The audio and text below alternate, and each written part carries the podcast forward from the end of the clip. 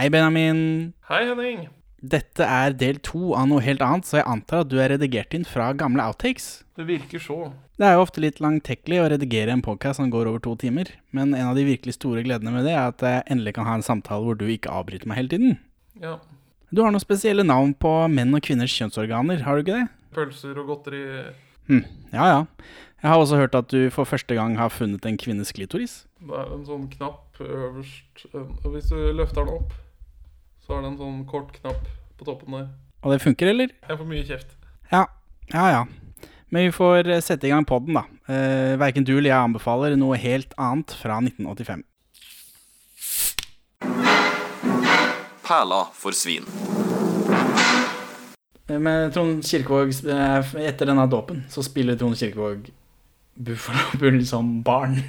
Ja, det er litt sånn forstyrrende. Men han ser Han er jo veldig ung, da, men eh, ja, Det er ikke akkurat forced perspective. Det er bare at han sitter lavere enn de rundt seg. Ja, han sitter jo Han går jo rundt på knærne, da. Er, men vi ser jo ikke han i, i fullfigur heller. Nei, det er litt sånn Damian-inspirert, tror jeg. Ja, nei, det var eh, rart i hvert fall, men det er jo meningen, da, med den gjengen der. Men så får han smaken av blod når han sitter og spikker. Og Ja. spikker alle ti fingrene sine for å suge de tomme for blod. Ja, for han skjærer seg i fingeren når han sitter og spikker med et uhell. Og så putter han den i munnen, og så, mm, og så begynner han å skjære seg i alle de andre fingrene også. Fingrene også.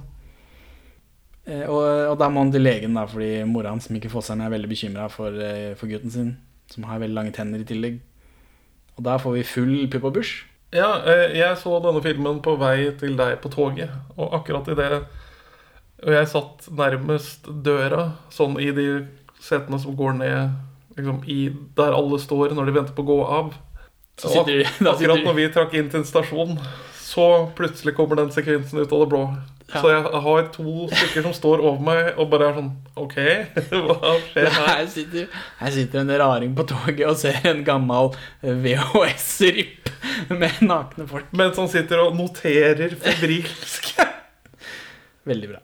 Eh, men ja, det, det kom litt overraskende på. Men eh, jeg vet ikke hvilken aldersgrense den filmen her var på kino med. Jeg vet ikke, men det er full pupp og bush i Brødrene Dal og eh, Karl 12.s gamasjer. Er det det? Det er det. Hvem da? Hvor da? Hvorfor? Danmark har tapt napoleonskrigene og må gi fra seg Norge til Sverige. Eller Europa skal deles opp igjen etter napoleonskrigene. De kjører inn en svær bløtkake hvor masse delegater driver og skjærer opp og deler land, da.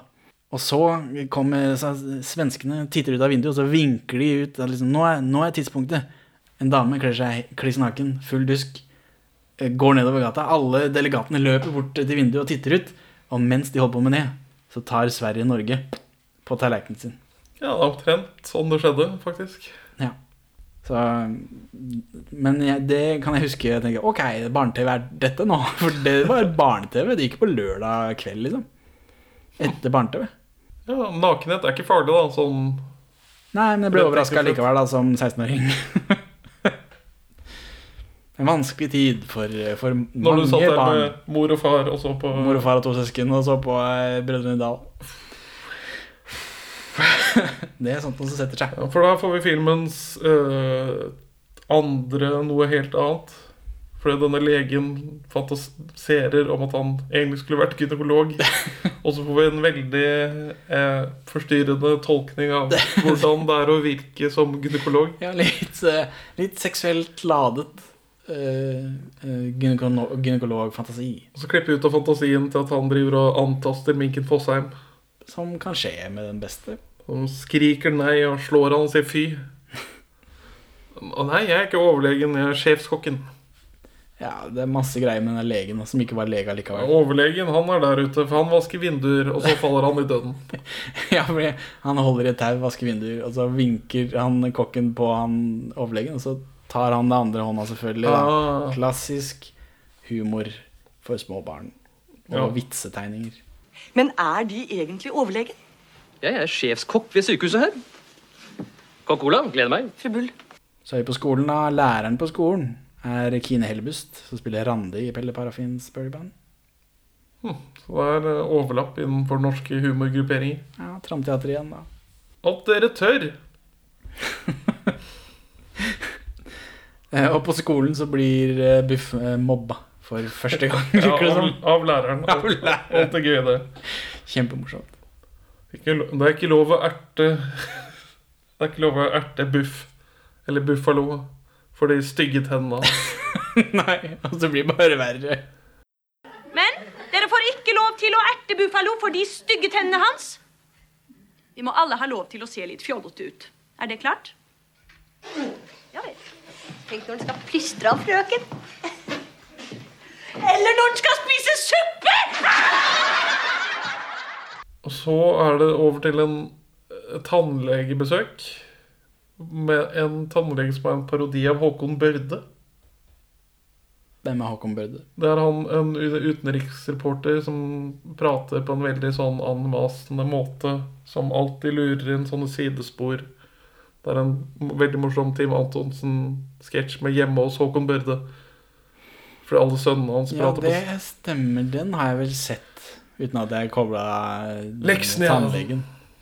Kan du sende smøret? Smøret, ja! Smør, dette meieriproduktet som vi bruker til å Stemmer. Ja, den husker jeg. Det virker som om det var en parodi på han, for han hadde den samme måten å liksom hoppe inn i sånne sidespor mens han prata. Ja, Hvis ikke det bare er én av et Og sett med, med ferdig lagde humormåter å snakke på. Det kan det jo være. Det, det sliter vi vel alle litt med, gjør vi ikke det? Ja, det er mulig vi sliter litt med det. Men har de funnet ut hva som egentlig er galt med tennene hans? Ja, det eh, Er det noen tannleger i salen i kveld? Og så får vi eh, filmens første give-out. Kjeve ut av ledd. Og så er det over til den konfirmasjonen som vi allerede har nevnt. Hvor den uh, rockepresten eh, sier 'mumle, mumle, mumle' over, Ja. mens han velsigner disse barna. Det, det, det, det, det har jo den der satiriske snerten. Ja, Det er Lars meg. som prest som Ja, det er en sånn Han har den derre prestepatosen, men han sier bare 'mumle, mumle, mumle'. Amen. Mumle, mumle, mumle i det høyeste. Det er Gjennomgående i filmen er vel at autoritetspersoner kanskje ikke er så lure. Alltid. Kanskje de bare er idioter alle sammen. Det er det nærmeste jeg kommer politisk snert. Og innhold. Ja. Nei, det, det er ikke sånn spesielt dyptgående satire. Nei, nei det syns jeg ikke. Vi skal sammenligne med den derre kosmetikkrevolusjonen. Ja. ja, for det var noe. Ja, for der er det noe dyptgående kritikk Ja, den går jo inn i systemene. Ja. Og så er det ikke helt tydelig for oss som ikke var unge i denne perioden, men det er jo helt tydelig Og, og den sparker i alle retninger. Fordi den tar både og dytter kommunistene og kapitalistene og liksom Alle skal bare latterliggjøres i det moderne politiske Norge. Men så er det bare sånn ja, Autoriteter er dumme og teite. Ja, Se så teite vi kan eh, late som de er. Mumle, mumle, mumle. Mumle, mumle, mumle. Mumle, mumle, mumle, mumle, mumle. Mumle, mumle, mumle i det høyeste. Men nå når eh, presten skal velsigne Kirkevåg, så besvimer han. Ja, Han reagerer litt dårlig på alle korsene og alt dette. Han, reagerer, han trives ikke så godt inn i kirka. Det er ved håndspåleggelsen han liksom logger ut, da. Jo, og så er det noen sånne eh, inserts av kors, og han, det blir mye for he, hele greia, tror jeg. Ja, og så holder mor og far han etter armene. Og så tar fotografen bilde av han. Og så er det klipp til Vet du hvem fotografen var, forresten? Nei. Det var han onkelen som lå med søstera si. For de nevner han som her. onkel jeg Husker ikke hva han het. Var det onkel Hagbart? Ja. Som også er spilt av Knut Lystad, selvfølgelig. Og det er derfor han har eh, konfirmasjonsbildet til Buff på veggen. For nå er det nyttårsfest hos onkel. Ja, dette er jo Ja. Det, dette er er, coming of age-øyeblikket. Første gang han skal få væta staken i første gang Buff får smake blod. Det er også her han treffer eh, sin store kjærlighet. Jeg tror ikke det er lov å si 'væte staken' når man snakker om vampyrer. Heyo. Det vil, vil bety å drepe en vampyr, vil ikke det? Det vil jeg tro. Eller det blir kanskje til støv når du væter staken i dem. Ikke Buff, tror jeg. Han er en litt annen type. For han tåler jo fint å være ute i sola. Men Vulvat, som også viser til å være vampyr, blir jo til støv når, når Buff gjenoppstår som vampyr. Eller sånn parodisk vampyr. Men det kommer vi tilbake til. Ja, nå hopper du langt av gårde her. ja, nå- for filmen Gud forby at du tar noe i denne filmen ut av kontekst. For altså, nå, nå, hvis vi da tar, det tilbake til The Meaning of Life, så har denne sånn Nå har vi fortalt denne her delen av livet. Nå hopper vi dit. Men den tar en sånn pause for å si Vi hopper dit, i hvert fall. Og så henger det ikke alltid like godt på grep. Men så har den f.eks. der Every Sperm Is Sacred-sangen.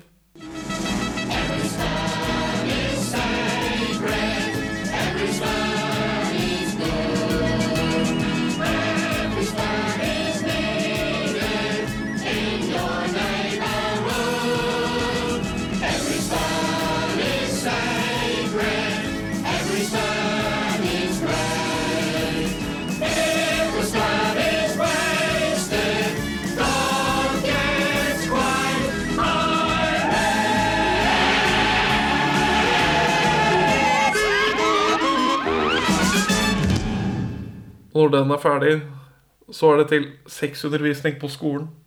Om jeg ikke husker feil. Jeg husker ikke. Og det henger mindre på greip, men det fungerer bedre drivmessig for filmen. For det, hvorfor er vi på nyttårsfest? Hva Nei, Jeg vet ikke. Det er, det er bare et øyeblikk i Buffs unge liv. Alle har vi vel vært på fest, truffet en kvinne som han har fått susse for første gang. Det, sånn eh, så jeg det. Jeg heter Svalbard. Svalbjørn? Nei, Svalbard. Eh, det er- eh, Buffalo reagerer også dårlig på månen, og da han blir eh, crazy gæren. For denne type vampyr henger sammen med månen også. Som ok, eh, det er greit. Vi Ja. kan bare blande alt sammen sammen. Ja, bare, bare de etablerer det som en regel, så er det helt greit for meg. Ja ja, vampyrer tåler ikke sølv, men før så var det varulver som ikke tåler sølv. Det er greit. Bland alt sammen sammen. Det, det gjør meg ingenting. Jeg er med på det. Finnene som blir sugd, de dør. De blir ikke vampyrer selv. I denne filmen, ja. Det er ikke sånn eh, Her er eh, vampyrisme en genetisk tilstand. Ja, Vi blir aldri forklart hvorfor han er vampyr, men han er jo født som vampyr. Da, så det er jo Det er overlege Vulvat, som, eller lege doktor Vulvat, som har brakt han til verden, levert han på døra. Ja, nei, men eh, det, det er et eller annet med den backstoryen der som ikke henger på greip. Men her treffer han også sin store kjærlighet, som sagt. Ja, Jan Mayen, Bjørnøya, dronning Moldsland. Svalbard. Oh, ja. Spilt av Linn Stokke, eh, som er gift med han som starta Smart Group, og sammen så eide de et slott i Sverige eh, mellom 1997 til 2009. Jøss. Er du full? Nei. Det er månen. Blir du dårlig fordi månen er full? Så de treffes der, og så blir det vel kjærester, eller de dater i hvert fall. Svalbard og Buff. Ja, de, han følger henne hjem, og så begynner de å kline i den, en spennende sekvens. Ja, for han blir jo litt frista av nakken og sånn i tillegg, da. Vampyr som han er. Men, men det går bra. Hans kjærlighet overvinner lysten på, på ferskt menneskeblod. For Buff er jo egentlig en snill fyr, men han sliter litt med litt lyster. Ja. Eh, Men de begynner å kline, og så kliner de et år i strekk. Ja, for der er det noe. De driver og snurrer foran en green screen hvor det går sesongbilder. Og så er det et, en rekke med sesongbetonte trær som dras i forgrunnen over i et sånt fast mønster. Ja, den skjønte jeg helt hva humoren var. Var humoren at det er gjort eh, litt sånn amatøraktig? For det Jeg, jeg, jeg, det var liksom meningen at de, de filmene som går i bakgrunnen, ikke alltid skulle matche opp så bra, at de står midt i en vei. At det var liksom Det er et eller annet sånn om at når man får sin første kjærlighet, så forsvinner man litt sånn inn i den personen over lang tid, tror jeg. Jeg tolket det mer som om de holdt på en stund. Ja, for han drar jo i militæret her sånn, mens han fortsatt er sammen med Svalbard. Ja, for det, det, det slutter med at sesongen går over i røyk. Ikke at det henger på greip. Og så er det røyken fra eh, damplokomotivet som trekker toget som skal frakte han til militæret. Ja. Og greit nok at tog er sånn man kommer seg til militæret i gamle dager. og så er det en blodreklame på togstasjonen, så jeg. En reklame for blodbanken. Et visuelt frempek. Og så ja, teite småvitser som jeg syns KLM kan være ganske gode på. For da, etter, etter togturen så er det bare rett til marsjering i militæret. Og Lystad marsjerer en tropp. Og når det kommer til bommen i militærleiren, så knipser Lystad en mynt over i en sånn Gammeldags bompengebetalingskurv. Jeg ler, KLM. Dere vant. Ja, for det er en sightgag. Ja. Den, den fungerer godt. Hva syns du om, eh, om portrettet av militæret, da, Benjamin? Du som er militarist på din hals. Eh, nei, den, den Berreten Buff går med, er det styggeste jeg noensinne har sett. Det ser ut som en kokkelue. Men, eh, men eh, minnet eh, miljøet deg om eh, da du var i militæret? Jeg skjønte ikke helt vitsen med at de som står og venter på å bli inspisert for å bli godkjent inn i de militære rullene, at de driver og drikker alkohol mens de står der i trusa. Vitsen er at de Det kommer en fyr ut av et toalett med en sånn champagneglass med urin i, som han skal ha urinprøve. Og så står alle med hvert sitt glass bortover, og så er det en han ene i enden. Han, han drikker glasset sitt. Ja, men han har Og så tar han en øl da for at ikke du som publikummer skal være bekymret for at du nettopp har sett noen drikke tiss. Ah. Så det var vitsen der. At uh, du skulle tro det var urin og bli sjokkert. Altså, å, heldigvis så var det bare øl. Ja, ok. Nei, men han, han skal inn på kontoret til en eller annen uh, sersjant. Uh, som jeg tror er en blåkopi av en sketsj fra Monty Python sitt TV-program. De har noe sånn militærhumor som kjentes veldig likt ut, i hvert fall. Ja, eller Den jeg husker best, er han soldaten som kommer inn og er veldig bekymra fordi det er så mye våpen i militæret. Han syns det er skummelt. ja. Det, er det er farlig. Det kan bli krig når som helst. Med alle de folka med våpen. Jeg vil ikke være her mer. Det syns jeg er morsomt. Og så er det den eh, hvor han gangsteren kommer, kommer inn og, og, og, skal blackmaile militæret. Ah, fin, eh, fin tanks du har. Det hadde vært synd noe skulle skje med den. Ja. Mm, Monty Python. Det. Men ja, sersjanten sitter og driver med noe veldig mislykket adsam. For de som husker adsam fra tjenesten. Du sitter jo her uniformert. I, eh, som medlem av Svinarmeen. Som en av de lederne i Svinarmeen, vil jeg påstå. Førerne i Svinarmeen. Ok, du tar den, ja. Ad, adskillelse og sammensettelse. ja ta, fra seg, ta fra hverandre pistolen, og så skal du sette den sammen igjen. Det går ikke så bra for han, så han bare dytter den ned i en skuff. Ikke, ikke humor jeg setter pris på. Og så øh, sier han 1430 bull. Nei, nei, øh, 1450 bull. Det er viktig med øh, etter militæret. ja. Så bare Ja. Eh. ja, det er sånn ordspill Det var ordspillet ditt, da. Visual gags i bakgrunnen. Han, har- han har spilt dart med en sånn menneskeformet blink. Ja, det er en annen dart uh, visual gag-scenen. Eller nei, det var på hos legen, vel. For det er et sånt dartbrett med masse sprøytespisser i. Søster, noter. Tåfis, platt fot, vann i kneet, lever i fløtesaus, mavesår, hjerte av gull, kronisk bronkitt, brente mandler, falske stemmebånd, professor drøvel, svett i pannen, ben i nesen, støl i ben og arme, mustasje, nei, øyne, to, eh, takk. Jeg, det, det var ikke, jeg skulle ikke vært sersjant. Jeg skulle vært noe helt annet. Jeg skulle vært fenrik. ja, for han nå drømmer seg bort. Men han drømmer seg ikke lenger opp enn til fenrik. Ett tak opp. Ja, så det var det, dette, dette var et grep. Her nå har de etablert et mønster, og så bryter de det mønsteret. Ja, De bryter ikke mønsteret helt. Han legen, eller han som viser seg å være kokk, skulle jo bare vært en annen type lege. Så det er jo Ja. det samme mønsteret, på sett og vis. Kanskje. Men det forskjellen er jo befalsskole og krigsskole. Men han Det, det kommer noen eh, effekter som zapper han en, ett hakk opp i gradene og rydder kontoret hans og gir han masse medaljer. Men så biter Buff sersjanten. Vampyr som han er. Og da får han den verste straffen han kan få i militæret. Han blir kastet ut av militæret. ja. Jeg tror ikke denne sersjanten helt har skjønt kakebussystemet. Nei, men inni der, eh, inni denne eh, sersjanten, inni forsvars... Inni denne militærbiten, så får vi også, så dropper de professor Drøvel som navn. Så de vet at de har laget noe før. Ikke verst. Selvreferering, dere. Så blir Buff kasta ut av Forsvaret. Det er helt riktig. Eh, Også begynnelsen på et mønster. Han blir Ja. kastet ut av ting. Kastet ut av ting som hvor Hvor man vanligvis ikke blir kasta ut. Nei, det Så, men han eh, tar med seg sin kjæreste, kjæreste Svalbard, på pizzarestaurant.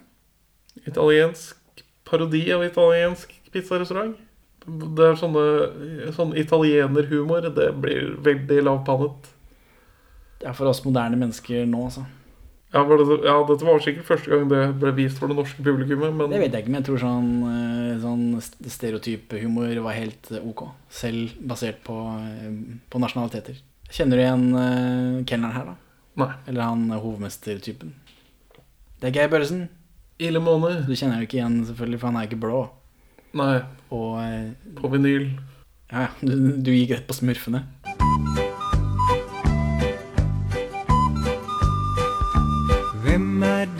Som er så små?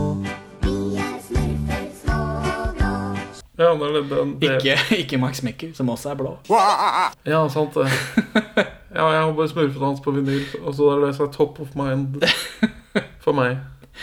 Ja, eh, ja. ja. Labbetuss også, da. Bare så jeg nevnte. Han er inni Labbetuss. Labbetuss har bursdag!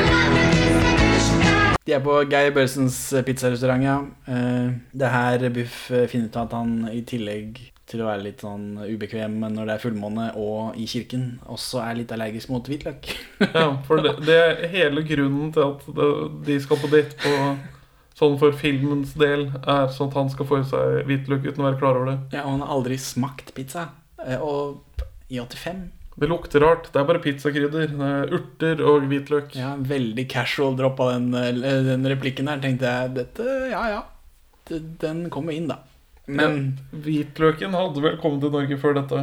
Jeg vet mine foreldre opp, øh, opplevde at tomat kom i butikken, men altså hvitløk Men den sekvensen her, da lo jeg. det syns jeg faktisk var gøy. Men det her blir jo en sånn forviklingskomedie. Altså, for han klikker jo i vinkel av Han tar et stykke pizza med hvitløk, og så klikker det helt for han. Han skal velte alle bord i restauranten mens han liksom klikker rundt omkring og sitter opp og ned. Det syns jeg var gøy. Fram og tilbake, bare for å få med seg alle, alle bord. Så ringer Geir Børresen og bare 'Pronto, policia!' Italienerhumor. Pronto! Polizia! Og så klipper vi til en fotballdommer som skifter til dommerantrekk. Ja, for nå er vi i rettssak der, for eh, den Geir Børresen har eh, gått til sak mot, eh, mot Buff. For du kan ikke bare rasere. Hvorfor ser dommeren under skoa til dommer... Nei, rettskonstabelen? Det er kanskje sånn man gjør på fotballbanen, jeg vet ikke. Rettskonstabelen er spilt av Ingolf Karnen, som eh, vi kjenner som Pelle i Kaptein Sabeltann.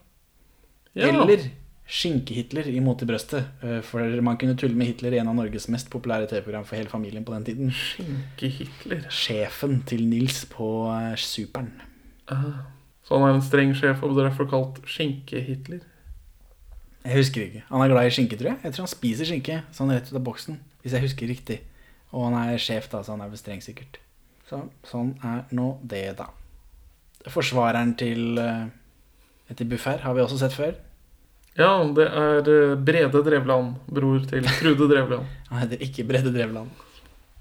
Men ja, det er broren til Trude Drevland. Som jeg ikke husker navnet på. Jeg tror han heter Andreas et eller annet. Ja, det høres riktig ut. Andre... Ja, men Han heter ikke Drevland, men er broren til Trude. Ja, fordi Trude er jo da gift med en Drevland, antar jeg. Ja, det er sånn det henger sammen. I dette patriarkiet. Buff blir dømt til fengsel. Ja, I juryen sitter Blues Brothers med flere, av en eller annen grunn. Det så jeg ikke så nøye på. Mye rare folk i den juryen.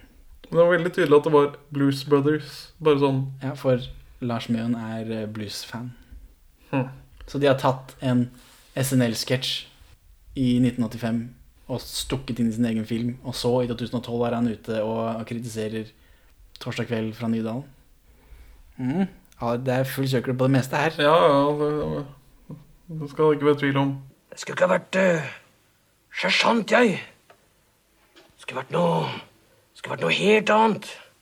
Det skulle vært uh, Fenrik. Og så er det en sånn italiensk storfamilie på den ene siden.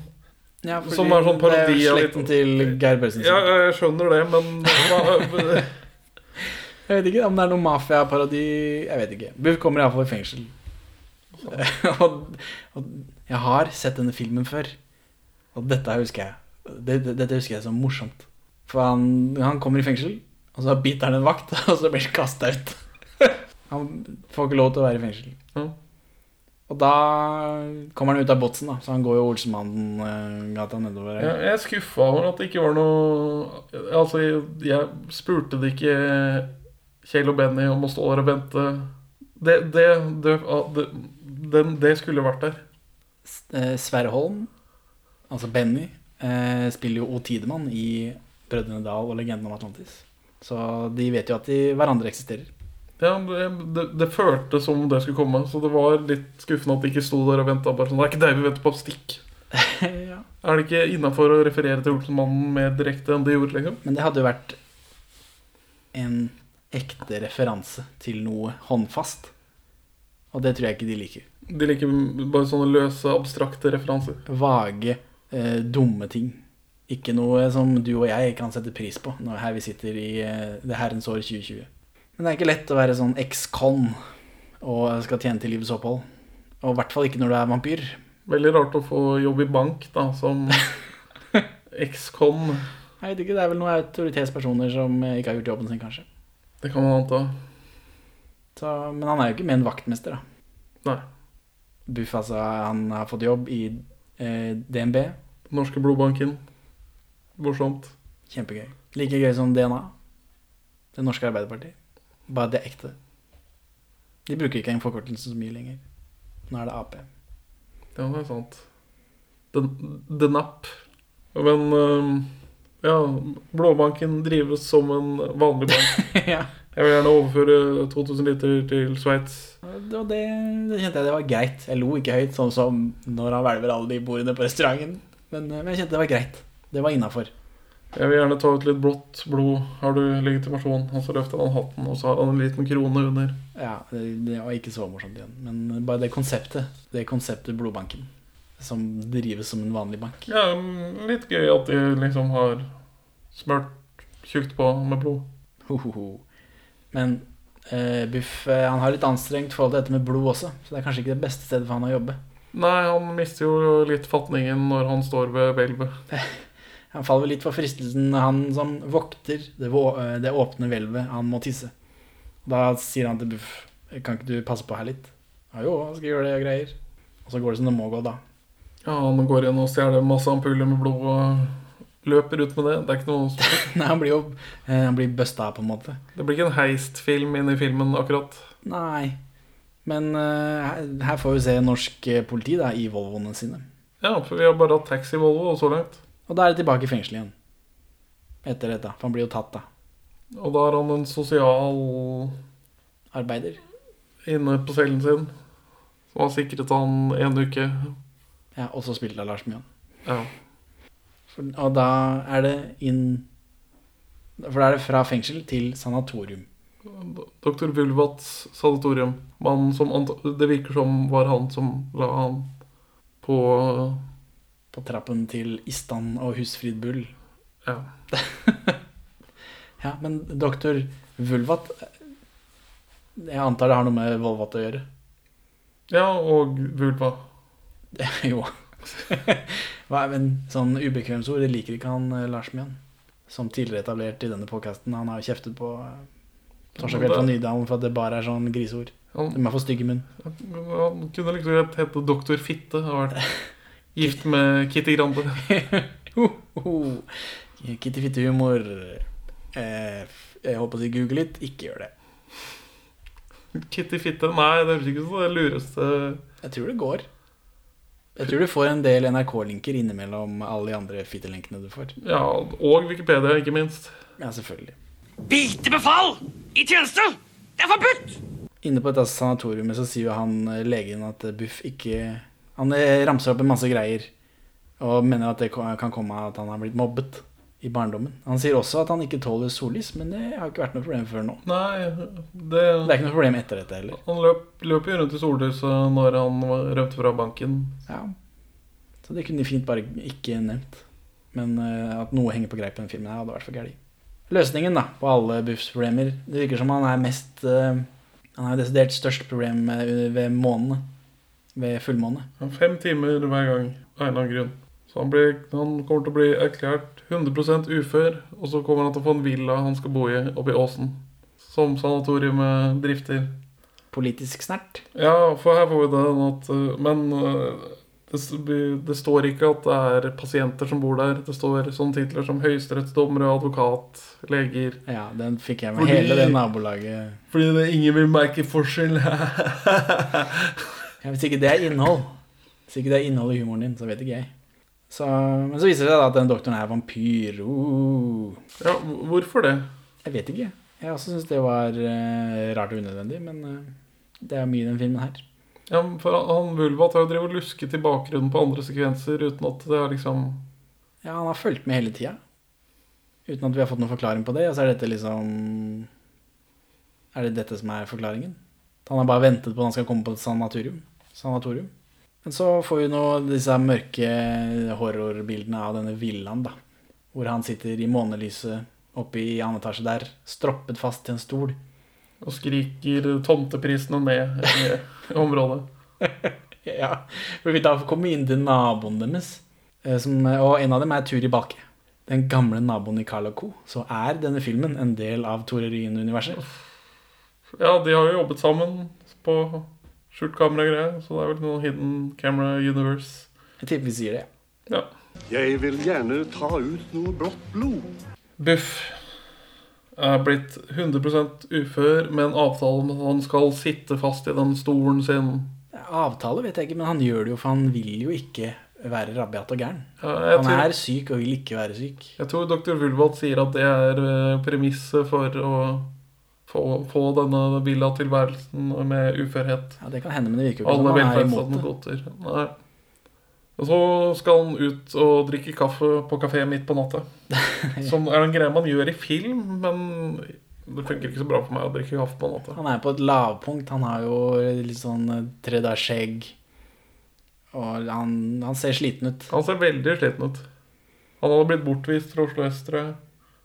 Ja, for han ser for sliten ut. Ja. Så han sitter på kafeen sin og drikker eh, kaffe, og da går Svalbard, hans eh, store kjærlighet, tilfeldig forbi ute. Nå har det jo gått en del år siden de så hverandre sist. Ja, Han da var da ferskt ute av militæret, mer eller mindre. I et av de tidligere overgangene så fikk vi et sånt åtte år senere, står det på et skilt. Så Ja, vi, vi har blitt fortalt at hver gang vi bytter sekvens, så går det mye tid i dette livseposet Buffalo Bull. Ja. Så hun kommer inn da og setter seg sammen med han, og er fortsatt eh, overraskende forelsket. Selv om han helt tydelig nå ikke er den samme som hun forelsket seg i. Han er jo nå en superraring. Ja. Tolket jeg det. Jeg tror ikke jeg ville liksom ja, for hun dumpet han offscreen et, Eller Det var litt dårlig stemning der da når han raserte hele den pizzasjappa. Så han, hun, hun løp vel ut av Jeg tror det var siste gang de så hverandre. Og så tvinger hun han med seg hjem, selv om han helt tydelig ikke vil. Ja, det er fordi han eh, Det er fullmåne, er ikke det? Jo. Men han vil jo, men han vil jo ikke pga. at det er fullmåne. Tolket jeg det som. Ja, Trond, ja. Trond Kirkevåg er en snill fyr i denne filmen. Og da får vi en ganske dramatisk scene hvor Buff ikke vil bite Svalbard. Så han rømmer, og Svalbard skjønner ikke hvorfor han plutselig må dra. Og her var det jo nesten noe følelser i. Ja, det det er sånn dramatisk, den derre romantisk, erotisk vampyrgreia. Ja, eller jeg leste det som litt tristere enn den erotiske, erotiske stemningen du så i det, men eh, ok. Og da eh, er vi plutselig der vi begynte filmen. Eller der vi begynte filmen inn i filmen. Ja, vi får hele sekvensen minus den lekebilen som faller i vannet. Ja, for da det, er, det viser seg da at det er eh, Svalbards leilighet eh, som Buffer rømmer fra når han setter seg i taxien med Er det Frida Frosk fra Pelle Paradfins boyband? Randa Veldig Rekkverk, eh, et eller annet sånt. Og så krasjer den bilen, da, som vi ikke får se igjen. Og da er vi tilbake i begravelsen. Prest holder tale. En veldig intetsigende tale. Skulle ønske han var noe helt annet. Ja, til slutt, da. Og Lars Mjøen er der i bakgrunnen med det rare håret sitt. Ja, som uh, Vulvat. Vampyrlegen Vulvat, uten at det forklares. Men nå, så begynner dette kistelokket å bevege seg på slutten av talen. Og så åpnes kisten, masse røyk kommer ut, og der ligger den plakaten, eller VHS-coveret man sett i filmen. Som for øvrig også er, er brukt på et vampyrblad som Buff leser som liten. ja. For nå er han, et, siden han har dødd, drukningsdød, så har han blitt en ordentlig sånn Stereotypisk vampyr. Ja. Ja, en gammeldags stereotypisk vampyr. Sånn eh, bestefaren i The Munsters, for eksempel. Typ med den der, sånn vampyrhår, hva er det det heter igjen? da? Widow's Peak. Ja. Sånn veldig parodisk Widow's Peak. Ja, ja, og røde øyne. Han ser ut som Glenn Danzig, liksom. Men så når han kommer ut av kista i røyk og sånt, så fordufter Vulvat. Sånn klærne hans ligger igjen, og så kommer det en sky av røyk. Så det er et eller annet sånn, en, en eller annen sånn de prøver, de prøver å fortelle oss visuelt at nå er det Fullbyrdet, på en måte. Ja, for Vulvat var faren hans, men prøvde å stoppe han fra å leve et liv som vampyr. Jeg vet ikke, det ga ikke noe mening for meg. Nei, det gjorde jo ikke det. Det er fullmåne i kveld òg. Tøys. Fullmåne, det. Det regnet jo i sted. Buff stikker av. Med den hest og kjerra som ble brukt til å levere han tidligere i filmen. Ja, for det følger vel med da når du blir sånn vampyr, og, og Lars eh, Mjøen, vampyren, går opp i, i røyk. Så er den, da er den eh, hest og kjerra til overs. Så- Men det står en politimann, motorsykkelpolitimann og skriver en parkeringsbot. Den hesten og kjerra. Som han da bokser noe veldig. Ja, han slår ned, og så, så rir de av gårde Så blir det politijakt. med hest og kjerre. Humorpolitijakt. Aha, politiet stopper for skiltet, så det står at det bare er hest og vogn som har lov til å kjøre. Og hest og vogn kan kjøre opp trapper uten problemer, så eh, hæ? Han kommer seg unna, da. Og så kan han bite Svalbard. Da lo jeg faktisk. Jeg også, for det hadde jeg helt glemt. Det, Det er så deilig. Det er sånn man gjør det. Det er sånn man gjør det, for en gangs skyld. Skikkelig, skikkelig give-out. To, i hvert fall to give-outs på å få kjevene ut av ledd. Ja, Som ikke jeg tenkte så nøye over. Annet enn at ja, ja, vampyrer og tenner og biting og sånt noe. Jeg, jeg skjønner det. Men i filmens store liksom, klimaks så får han ikke fullført for han får kjevene ut av ledd. Kjempegøy. Ja, det Der og når han raserer Italia, den eh, restauranten, er de to stedene jeg lo. Ah, ah. Og han blir jo veldig deprimert han når ikke han får til selv ikke dette. Han har jo bare feilet seg fra sted til sted. Han blir kasta ut overalt. Klarer ikke å holde en jobb i banken. Og selv ikke som vampyr er han noe tess, for han får kjeven ut av ledd. Da blir han veldig deprimert. Og da sier han at han vil være så skulle ikke jeg, Han sier jeg skulle ikke vært vampyr, jeg, vet du. Skulle vært noe helt annet. Og så ser han sånn ut i lufta. Skulle vært komiker. Og den replikken der, den har jeg sagt i årevis. Det er noe, Den filmen her har jeg sett en gang med et halvt øye, på sikkert på NRK et sted. Og så har akkurat den der festa seg, for det syns jeg var gøy. Så hver gang noen sier nei, noe helt annet, så kommer jeg med den, og det er bare jeg som skjønner det. Ja, det er ikke den sterkeste referansen i Nei, kultur. det skulle vært noe helt annet. Det Det skulle vært komiker. Eller hvis jeg sitter på jobb og kjeder meg, så sier jeg Jeg skulle ikke vært eh, taxisjåfør, jeg, vet du. Jeg skulle vært eh, noe helt annet. Jeg skulle vært komiker. Du syns den Eller du Jeg, men jeg gjør det hele tiden. Aldri noen som forstår det. Og jeg vet ikke. Det er, det er kanskje Kanskje noen vil forstå det nå? Ja, jeg håper det. Neste gang jeg sier det, og du forstår det, hvem enn det er som lytter, som hører dette nå, så ser vi hverandre i øynene, og vi forstår det. Det blir et vakkert øyeblikk. Jeg skulle vært komiker.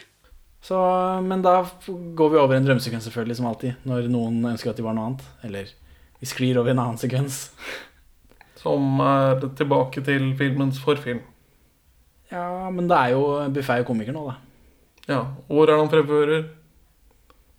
Husker ikke. Konditor og bakelaugus 250. Jo, ja, det husker jeg, da. Men jeg tenkte kanskje det var et spesifikt sted. Nei, Frognerparken. Nei, de nevner en eller annen spesifikk park det er i Oslo, men det husker jeg faen ikke.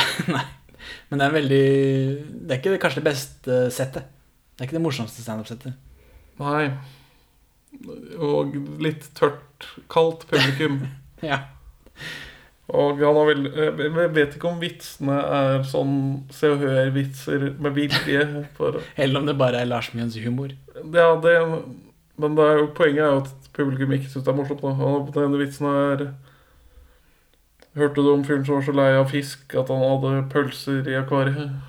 Ja, den er med på den Perle for svin-B-siden. Ja. Hva får du om du krysser en ape og en skilpadde? En svenske med hjelm. Stemmer. For det er den siste vitsen han rekker å lire av seg før dette vaieren ryker på verdens største bløtkake som er festet i helikopter. Og da får han en kjempekake i hodet. Det syns publikum er gøy. Ja, det blir ikke morsommere enn det. Eh, Monty Python, Live at Hollywood Bowl, den pie-sketsjen, er noe av det morsomste de har gjort. Den har jeg vært med på å fremføre en gang. Og, det er, og no, grunn, noe av grunnen til at det er morsomt, er at det er en ordentlig sketsj med en begynnelse, en midt og en slutt, som er ikke Monty Pythons sterkeste sider. De er ikke så nøye på å avslutte alltid. Eller starte, for så vidt. Nei, det, det, det, det renner litt ut noen ganger. Right, stop that! Silly! Så kake er gøy. Kake er gøy. Og da så er rulletekst over det. Ja, Det starter som en kakeoppskrift. Ja. Hvordan lage verdens største kake. Oppskrift på, jule, på jubileumskake eller noe helt annet. 35 kvadratmeter fjellsmør reagerte jeg. Jeg syns det var litt rart at det ikke sto i kubikk. M3. Det er, det er humor, da, vet du. Det er veldig morsomt. Rollen som Bernet, Hege Skøyen, det reagerte jeg også på. At uh, skuespillerne står først som ingredienser eller noe annet. Jeg husker ikke at Hege Skøyen har spilt Bernet i denne. Nei, Så du Hege Skøyen, da? Nei, det... ikke jeg heller. Så det, det, er liksom kakeoppskrift. Hege, Hege Skøyen sto i de tre millimeterne som vi har klippet av på sida. Ja. Hele filmen så sto hun der. Typisk. Bare hils på fetterne mine? det. Er Buff. Bernet. Jeg syns uh, Trond Kirkevåg var overraskende down to earth i denne filmen. Du, du er vant til mer diva-takter fra Trond? Nei, jeg vant mer det der eh, tullballet. Ja, jeg vant virket... mer det parkhumoren. Ja, det virket litt som at litt av det de gikk for i filmen, er å liksom balansere det alvorlige mot det absurde. Fordi de tar jo de der skrekksekvensene ganske alvorlig og gjennomført om både stemning og Eller filmatisk sett og stemningsmessig og lydmessig. Og det er ganske gjennomført. Og så går vi over i noe helt absurd kødd. For, for er Trond Kirkevåg en ekte skuespiller? Har han alltid vært det, men aldri hatt lyst til å gjøre det? Er det er det, det som skjedde her? Ja, er det sånn prøvde, Prøvespilte han for Elling, liksom? Ja, eller kunne han gjort det? Er, han har ikke hatt interesse for det, for da hadde han selvfølgelig gjort det. Han som er eh, han, han, Hvis han ville ha en jobb i NRK-systemet, så hadde han fått den. Han har pull, liksom. For, for jeg tror Det ser ut i den filmen her som han kunne skuespilt på ordentlig. Han kunne tatt en Robbie Williams, liksom. Ta en og annen sånn dramatisk rolle og få masse kred på det. Har du sjekka IMDb-en hans? Nei, men han er jo ikke kjent for noe. Han, for, for kjent for noe superseriøst. Kanskje han er på Det er bare ene tulleserien etter den andre. Kanskje han har gjort noe på teaterscenen vi ikke kjenner til? Ja, det kan jo hende. Men hvis ikke det er festa på film, på Vikingland i Tusenfryd, så da kommer det ikke med i Perle for svin. Beskjeftigelse, skuespiller, mannsforfatter, selvbiograf, filmregissør og fjernsynsskuespiller. Så var det skotten da, som fant en flue i whiskyglasset sitt. Han tok den opp mellom fingrene, rista flua hardt og sa 'Spytt ut! Spytt ut for pokker', sa han. Men ja, Henning, hvorfor vil ikke du anbefale noe helt annet fra 1985? Det var helt greit. Så det hever seg mye over det vi har sett. Ja, det Men det var ikke bra. Nei. Det var helt, helt greit. Helt middels. Jeg, jeg vil anbefale noe bra. Jeg kan ikke anbefale ting som er helt middels. Nei, det høres greit ut. Og så er det, og så er det det du sitter og ser etter den politiske snerten da, til den dumme Lars Mjøen. Og så tenker jeg kanskje Trond Kirkevåg er, virker som, virket som en mer en sånn tullemann. Han var ikke så nøye på, på, på den politiske snerten til dumme Lars Mjøen. Kanskje der er det han som har overstyrt mye av det. Eller har, er, er Lars fornøyd med det han har fått inn? At klovnete autoriteter, det er nok for han? Og så er det litt synd på han eh, Knut Lystad, som bare er med. Eller om ikke det er synd, så er det kanskje han, kanskje han har flaks, som bare får lov å være med på et sånn eh, lag hvor det tydeligvis er to sterke personligheter. For eh, de KLM går jo fra hverandre på et tidspunkt. fordi eh, Trond Kirkevåg og Lars Mjøen blir uvenner. Ja, det er Lars Mjøen Nei, um, Lystad er sånn et sånn barn i midten. Ja. For Trond vil helst holde på rundt NRK og, og, og drive med tullball der, mens uh, Lars Mjøen vil jo ha litt mer eh, Han vil improvisere, han vil ordne og styre. Det er eh, den Brødrene Dal og Karl 12.s gamasjer er liksom det som river de i filler, fordi da jobber de i et NRK-system som ikke har de uendelige ressursene som NRK-systemet hadde sist gang de gjorde dette. Mm. Og i hvert fall det på begynnelsen. Så da blir det litt for stramt for Lars Mjøen, tror jeg. Så da, og så sier han, da, som nå er den eneste gjenlevende av de to, da, at, eh, at det var eh, en, viss kvinnelig regissør som han, han sier ikke navnet, men det er bare en kvinnelig regissør på Karl 12.s kammersjer. Og hun har også vært ute og kommentert på det og syns det er litt sånn pussig at de ikke kan tørre å si navnet hennes, men ok. Som uh, kvelte det, dette forholdet dem imellom, da. Det høres litt Jeg parafraserer selvfølgelig, men, eh, men det er det det går ut på. Så han er en bitter, bitter gammel mann. Det er det eneste jeg sitter igjen med eh, etter å ha gjort research på den filmen her. Så det liker jeg heller ikke, da. Men eh, ja, det er, det, det, det er ikke bra nok. Det er helt greit. Et par morsomme gag, og den ene replikken jeg har gått på, gått på og sagt i årevis. Og det at han blir kasta ut overalt, syns jeg var gøy. Sånn generelt, da. Uten at jeg sprutlo av det, men jeg syns det var morsomt.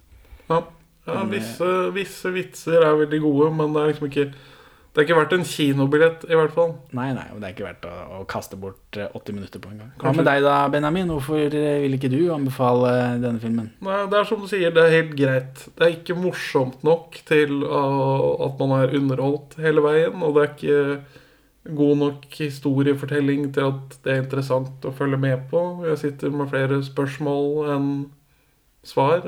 Altså, hadde vært morsomt nok, så er jo ikke spørsmålet noe viktig, men siden jeg ikke er opptatt med å være underholdt, så blir jeg sittende og tenke på hvorfor er Vulvat i bakgrunnen hele tiden? Hva er hans rolle i dette? Er dette, er dette en del av Dark Universe-greia til Universal. Ja.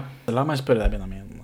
Er dette nok av en kuriositet til at folk bør se den? Hva, hva vil skje om kjente norske humorister stjeler konsept fra Monty Python, og så slenger med en sånn vampyrhistorie oppå det?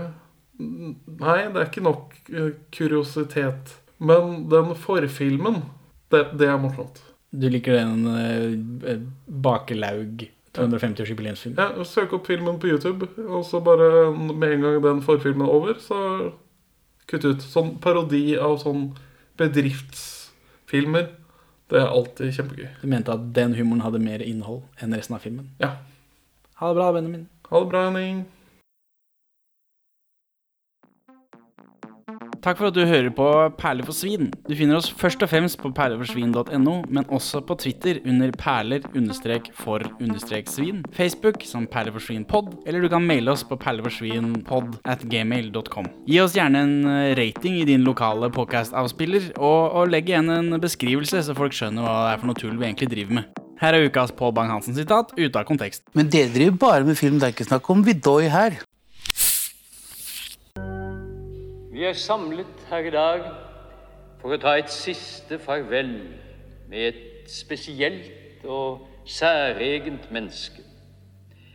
Et menneske som ikke var som alle andre. Og det er det jo ikke så mange som er.